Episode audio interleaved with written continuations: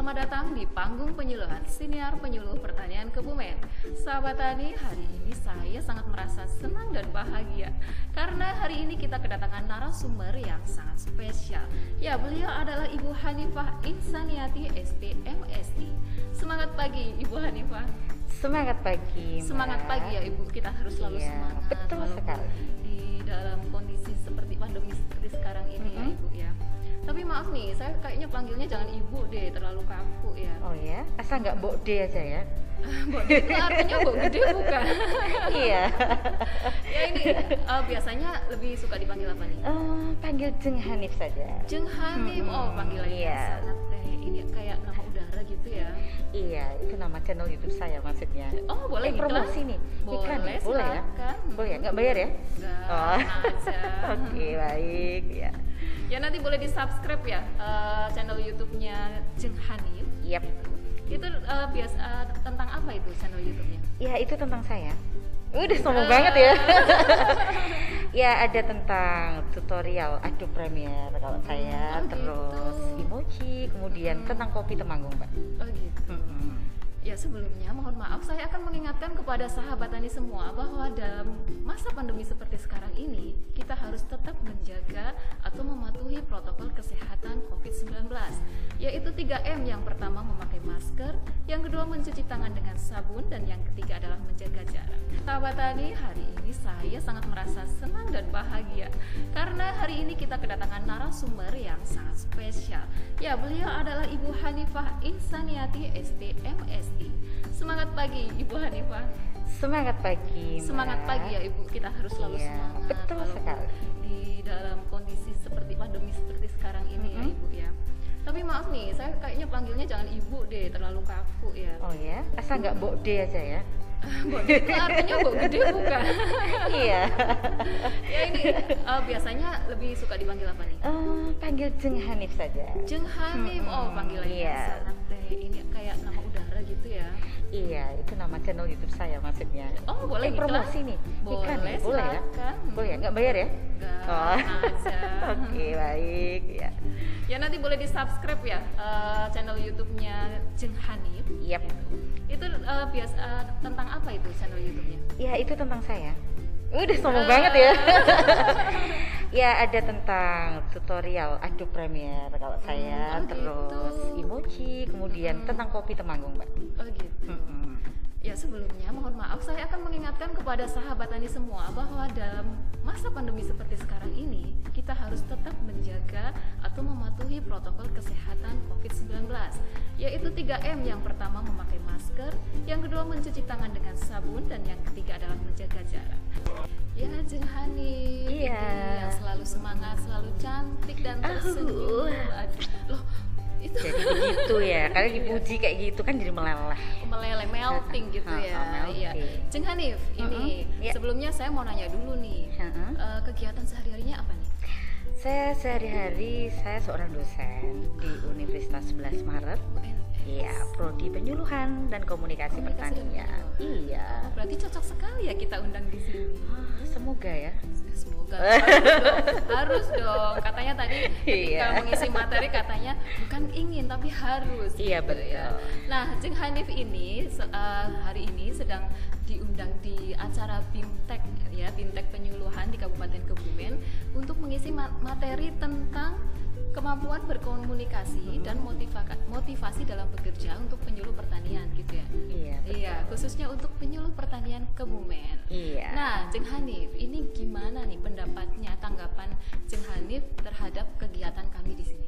Iya, terhadap kegiatan ini ya. Iya. Luar biasa sekali. Saya merasa bangga gitu ya bahwa penyuluh yang notabene gitu ya sudah pakar ya komunikasi ya.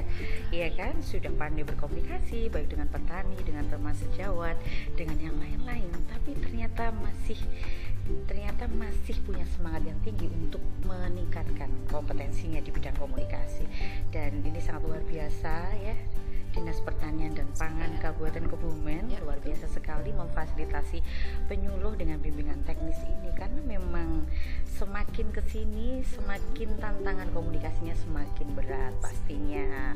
Iya apalagi pandemi covid begini. Ya, ya iya. Apalagi apalagi teknologi informasi berkembang sangat pesat begitu Nah, ini ngomong-ngomong tentang teknologi yang berkembang secara pesat. Sedangkan kita harus berkomunikasi dengan petani dan Iya. petani sekarang juga sudah mulai milenial ini, Jen. Iya kan? Mm-mm. Karena petani-petani sekarang sudah muda-muda, yang Iya. dulunya anak muda tidak mau turun, ter- Mm-mm. tidak mau terjun ke sawah gitu Iya. ya. Sekarang itu banyak sekali petani-petani muda dan tentunya itu membutuhkan eh, tentang edukasi gitu ya, bukan cuma petaninya saja, tapi Iya. eh, kita sebagai penyuluhnya seperti yang kita sudah pakar menurut Ceng Hani pakar Mm. gitu itu kita masih perlu eh, bimbingan teknis seperti ini gitu. Nah, ini untuk komunikasi, komunikasi kita teman-teman saya sebagai PPL dengan para petani itu yang baik itu gimana ini menurut Ceng Hani? Aduh, sebetulnya nggak enak banget ya memberi saran kepada seorang penyuluh Loh. yang sudah pakar gitu ya. Saya yakin penyuluh tahu apa yang harus dilakukan. Hari ini tadi kami hanya sharing aja dengan apa pengalaman yang sudah ada begitu. Jadi meskipun itu komunikasi langsung atau bermedia, kita harus lakukan intinya komunikasi dari hati. Gitu. Iya, komunikasi harus dari hati yang disesuaikan dengan kepribadian kita masing-masing dan juga kita sesuaikan dengan prediksi kepribadian calon apa lawan bicara Lawan bicara kita. kita. Iya, karena penyuluh itu kan bertemunya tidak hanya petani ya, tapi juga teman sejawat. Mungkin di rumah juga ketemu dengan istri atau suami dan anak dan masing-masing peran ini menuntut komunikasi yang berbeda pastinya. Berarti Gitu. tetap aja gitu ya komunikasi yang kita harus pelajari itu Hmm. tidak hanya kita ke petani tapi kita ke teman sejawat juga Hmm, harus betul. ada apanya ini namanya ya? Harus ada aturan-aturannya gitu ya. Kalau atau kita kalau pulang ke rumah kita sebagai ibu mungkin sebagai istri atau untuk teman-teman penyuluh yang eh, pria di rumah sebagai suami gitu tetap beda gitu ya. Iya, intinya begini, kalau kita ingin hidup kita nyaman gitu ya, pastinya semua ingin ya hidupnya nyaman. Kunci dari hidup nyaman salah satunya itu kita harus menjaga hubungan baik kita dengan orang lain. Nah, salah satu cara menjaga hubungan baik itu dengan dua hal. Satu, kita terampil memainkan peran kita di mana pun kita berada ya. Kalau di rumah berarti saya terampil sebagai istri, kalau di kampus berarti saya dosen, kalau saat ini saya di IPB saya mahasiswa berarti harus terampil. Yang kedua harus terampil komunikasi gitu. Nah tadi seperti yang saya sampaikan gitu bahwa komunikasi itu lahir dari hati. Apalagi saat ini ya paradigma penyuluhan pastinya sudah berubah. Kalau dulu top down dengan pola linier gitu ya, petani hanya dicekoi saja dengan satu arah. Pastinya saya yakin penyuluh Kabupaten Kebumen tidak seperti itu. Sekarang sudah mulai menyadari bahwa perlu ada komunikasi dialog dengan petani. Maka mendengar itu menjadi hal yang penting. Karena se- seorang yang pandai berkomunikasi itu bukan seseorang yang hanya pandai berbicara, tapi juga pandai mendengarkan. Kan? Iya, syukur-syukur pandai menulis dan membaca. Begitu kalau pesan komunikasi verbalnya ya. Ya, jadi eh, petani perlu diajak berbicara, berdialog. Kan banyak petani-petani yang tipe kepribadiannya banyak diam gitu ya, steady mungkin kalau tadi peserta kan kami cek kepribadiannya begitu ya, banyak yang steady. Maka bagaimana penyuluh ini memberi motivasi?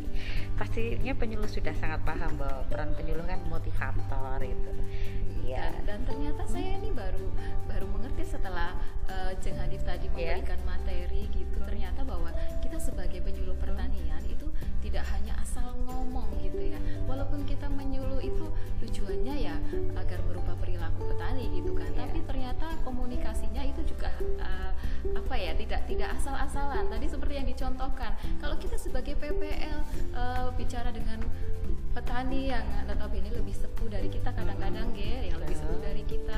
Kita tidak boleh dengan gaya-gaya mungkin yang manja. Seperti tadi dicontohkan oleh Jeng Hanif itu sangat lucu gitu. Jadi bisa terkenang ke kita bisa terkenang Iya. nanti kalau kita ketemu sama petani itu teringat oh iya Jeng Hanif pernah eh, apa mencontohkan seperti ini. Tidak boleh gitu jadi eh, ternyata komunikasi itu sangat penting gitu apalagi Sangat. di di era industri seperti sekarang Betul. ini seperti penyuluhan kita kan sudah tidak eh, secara linear gitu ya jadi seperti kita ini ada kegiatan kegiatan teman-teman PPL Mm-mm. ini namanya panggung penyuluhan Oh, iya. sebelumnya tentunya saya Betul. boleh promo ya. Iya. Promo dulu untuk Jeng Hanif nanti bisa di-share ke teman-temannya. Oh, boleh. Iya. Ke teman sejawatnya boleh. Bahwa kita ada kegiatan yang namanya panggung penyuluhan. Ini rutin setiap satu Oh, minggu ya? sekali. Hmm. Setiap hari Jumat tayang jam 5 pagi. Oh, wow. Nah, ini temanya nanti ganti-ganti. Oh, gitu Untuk ya. narasumbernya kita bisa biasa menghadirkan dari teman PPL yang senior Mm-mm. Atau dari praktisi-praktisi. Dan hari ini nih yang sangat spesial nih menghadirkan Ibu Hanif. ya nanti boleh di subscribe ya channel YouTube-nya Panggung Peny- eh, maaf kalau channel YouTube-nya itu Penyuluh Pertanyaan Kebumen dan Oh. bisa didengarkan podcastnya di Spotify juga eh, namanya Panggung Penyuluhan. Oh gitu. Saya juga apresiasi sekali loh dengan panggung penyuluhan karena masa sekarang perkembangan teknologi informasi ya YouTube itu menjadi salah satu Satu media penyuluhan. Bahkan kalau menurut akademisnya YouTube itu bukan hanya media tapi message juga. itu pesannya juga karena Pesannya, punya karakter tertentu dan yang paling keren media sosial itu membuat ada media komunikasi interaktif gitu. Jadi dengan ada komen yang diaktifkan di YouTube itu Iya, berarti ada, ada interaksi, iya ada interaksi dengan petani. Petani bisa apa memberikan komentar. Dan sekarang kan petani zaman sekarang sudah pinter-pinter Mm-mm, ya, jadi betul. Sudah milenial-milenial. Iya. Jadi eh, bisa saja yang tidak sempat ikut penyuluhan di lewat kelompok tadi bisa tinggal klik panggung penyuluhan, penyuluh pertanian kebumen. Kita mendapatkan informasi yang tentunya Iya. itu update. Kalau kita memberikan eh, tema pada minggu itu yang mau update, misalkan di mau, mau musim tanam satu, kita memberikan tema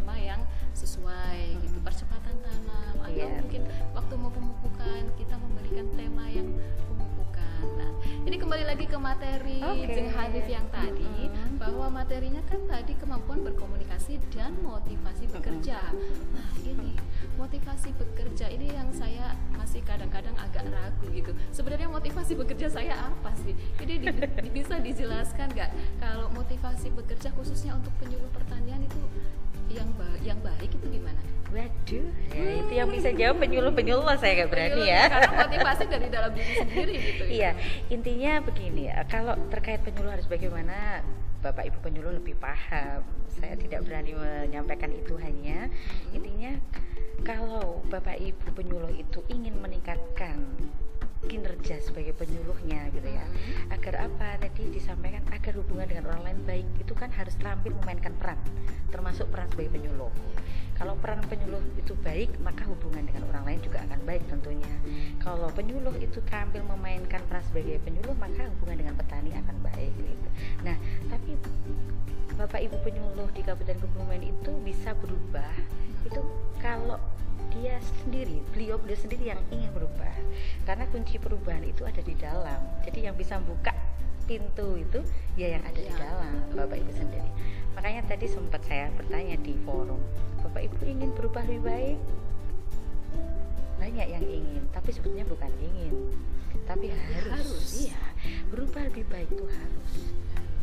Penyuluh dengan kapasitas baik itu harus.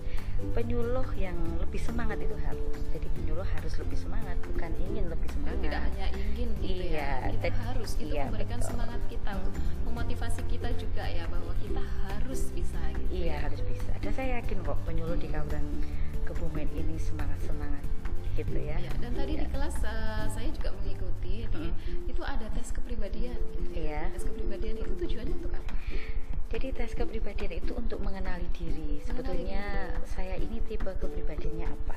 Dominan atau influencer atau steady atau compliance begitu. Nah, masing-masing kepribadian itu punya gaya komunikasi sendiri-sendiri, punya karakter sendiri-sendiri.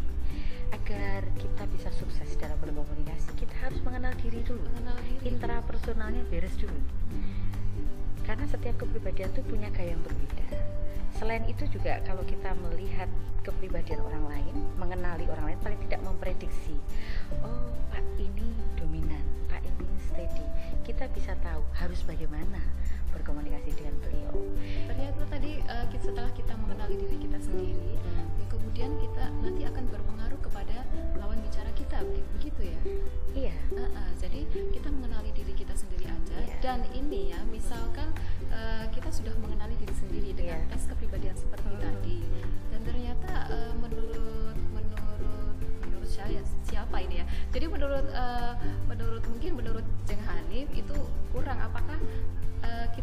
sebagai pribadi yang kurang apa harus mau merubah atau gimana itu? Apa tetap stay di kepribadian seperti itu saja? Iya, menurut saya kepribadian itu punya kecenderungan dominan ya. Kita hmm. kita punya pribadi yang dominan. Hmm. Tapi kepribadian itu kan naik turun naik turun. Kadang orang yang agresif bisa menjadi pasif karena kondisi tertentu, atau yang pasif bisa menjadi agresif, atau mungkin ke arah ideal asertif itu juga dengan kondisi tertentu.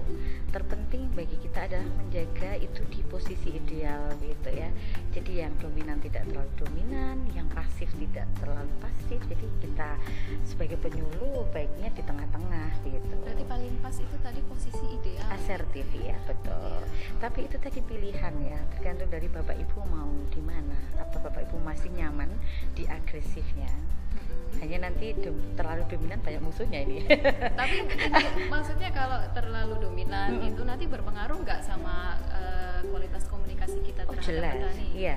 Kepribadian menentukan cara dia berkomunikasi karena uh, cara dia bersikap itu sesuai dengan kepribadiannya. Tapi sikap yang paling nyaman memang yang sesuai kepribadiannya gitu, gitu ya. Iya. Uh, tapi walaupun sebenarnya yang paling cocok adalah di titik ideal yeah. itu cuman mm-hmm. kita juga harus melihat bahwa yang nyaman di kita itu yang mana ya iya iya yang nyaman dan nyaman bagi orang lain juga kalau oh, kita iya. hanya menuruti yang nyaman buat kita, kita iya namanya, ya, orang lain ya, iya. maksudnya gini kalau kita pemalu pemalu terus dipelihara terus. Bagaimana akan menyampaikan sesuatu ke petani? Bagaimana akan menggugah motivasi petani kalau penyuluhnya pemalu gitu? Kalau penyuluhnya grogi bagaimana dia bisa bersikap? Malah nanti petani jadi bingung lah penyuluhnya sendiri kok grogi? Tapi saya yakin nggak nggak ada di kebumen nggak ada ya, gitu. ini contoh ada. aja contoh aja sih ya jadi ternyata sangat penting sekali iya iya. Dan ini uh, untuk pertanyaan terakhir deh. Pertanyaan terakhir, terakhir. dapat jackpot berarti ya oh, insya Allah nanti sebentar lagi ya ini okay. karena mungkin uh, jangan kan sibuk ya habis ini mungkin ada kegiatan lagi atau harus ada jadwal yang harus dilakukan jadi pertanyaan terakhir ini gimana nih harapannya atau pesan aja deh pesan untuk penyuluh pertanian Kebumen agar kita lebih uh, bisa menjaga kualitas komunikasi dengan petani itu pesannya apa? Iya, seperti tadi sebetulnya nggak berani ya menyampaikan pesan ini kepada para penyuluh di Kabupaten Kebumen karena beliau-beliau pasti yang lebih ahli dari saya. Hanya tetap semangat saja. Saya meskipun kita tahu gitu ya, tupoksi kerjanya semakin meningkat, tuntutan kerjanya tentu juga gitu ya. Tetapi tetap semangat, niatnya harus lebih panjang kalau niatnya uh, ini kayak Bu Ustazah ya Niat, dong, Ma. niatnya oh, niatnya harus lebih panjang kalau niatnya hanya karena pujian orang lain hmm. pastinya kita akan turun semangatnya tapi kalau niatnya adalah kemanfaatan dunia akhirat insya Allah terus semangat tetap semangat pokoknya bagi penyuluh Kabupaten Kebumen oh, terima ya. kasih sekali. Ya. Makanya kita selalu menyapa narasumber kita dengan semangat pagi karena walaupun hari ini pagi, siang, sore atau bahkan malam kita semangatnya semangat di pagi hari. Iya, sip lah. Ya, terima kasih sekali atas kehadiran dari Jeng Hanif. Ya, ini kayaknya sangat spesial karena jauh-jauh dari Solo. Iya. Ya, jauh-jauh dari Solo untuk menghadiri uh, kegiatan fintech kita ke peningkatan kapasitas penyuluh pertanian. Ya, Jeng Hani, ini untuk uh, sebelum penutup ini ada nggak statement dari Jeng Hadi yang agar bisa memotivasi kita teman-teman penyuluh pertanian di Kebumen? Oke, baik. Untuk teman-teman penyuluh pertanian di Kabupaten Kebumen, gitu ya. Kalau Bapak Ibu ingin berubah ke arah yang lebih baik, ganti kata-kata ingin menjadi harus. Karena berubah ke arah yang lebih baik itu harus, bukan ingin dan kunci perubahan itu ada di dalam diri Bapak Ibu sendiri. Jadi yang bisa membuka kunci perubahan adalah Bapak Ibu sendiri. Tetap semangat, sukses dan bahagia. Lakukan semuanya dari hati karena akan bisa ditangkap oleh hati. Demikian. Petani Indonesia berjaya, sejahtera, dan bahagia. Penyuluh pertanian Kebumen aktif, kreatif, dan inovatif.